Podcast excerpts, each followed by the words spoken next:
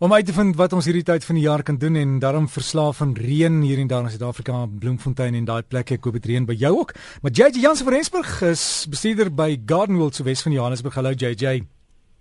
Môre môre Derek, lekker om weer met jou te praat. Wat moet ons hierdie tyd Ekskuus, wat moet ons hierdie tyd van die jaar in die tuin doen JJ?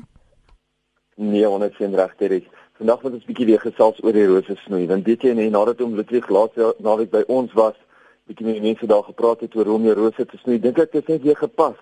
Laat ons bietjie vir almal vertel hoe om jou rose te snoei. Vir die van julle wat nog nooit rose gesnoei het nie, dis eintlik geweldig maklik. Een ding is verseker, die basiese reëls bly presies dieselfde as dit by rose kom. Met bosrose moet jy maar kyk dat jy so 3 of 4 hooftakke kies wat jy op die ou ende gaan behou. Maak seker dat die hooftakke wel in verskillende rigtings kyk sodat jy op die einde van die dag 'n oop bos het wat baie lig inlaat onthou meer lig, meer blomme gaan jy kry. Al die ander takke en sytakke moet heeltemal verwyder word. Die gekose hooftakke moet dan op 'n hoogte van so ongeveer 40 cm bo die grondvlak afgesny word. Dit is baie belangrik om die snit skuins te maak sodat daar geen water op die wond bly lê nie. Enige groot snitte moet natuurlik geseël word en ons gebruik mos altyd daai prune seal daarvoor. Gaan kyk bietjie uit vir die prune seal want dit gaan keer dat enige insekte of fungusse die plant self besmet. Rankrose word iets presies dieselfde gesnoei, maar hier moet jy meer hooftakke los en die hooftakke self moet baie langer wees. Onthou nou wil ons ook hê hy moet plat teen die muur of teen die traliewerk wees. So jy moenie hom oop snoei nie, jy moet hom net daarso oop snoei na die kante toe. Grondbedekkers en hoogstamrose moet soveel as moontlik hooftakke hê en al die kleiner takkies moet wel verwyder word.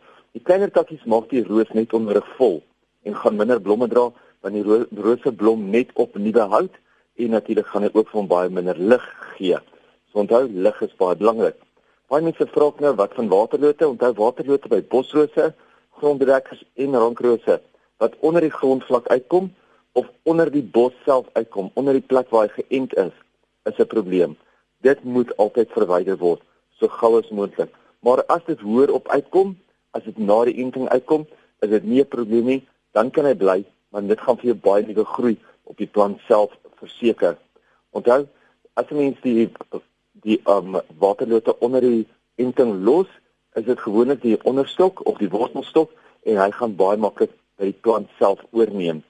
Met ons vrugtebome en ons perskes is dit bietjie meer ingewikkeld en hier moet jy probeer om die plant oop te maak en weer weer weer 'n vier of vyf hooftakke te kies en hulle op 'n bereikbare hoogte af te sny dat jy wel die plant kan beheer. Enige kruistakke of skuurtakke moet verwyder word want hulle sal die bloeisels afskuur.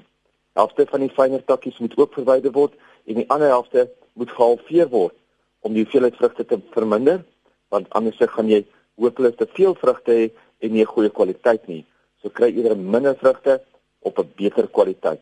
Onthou onthou nogal daarvan ons gebruik dit nog steeds om die vrugtebome met 'n kalkswaal te spuit as jy klaar is om seker te maak dat jy van al die insekte en die fungusse ontslae raak dat jy op 'n skoon bladsy begin.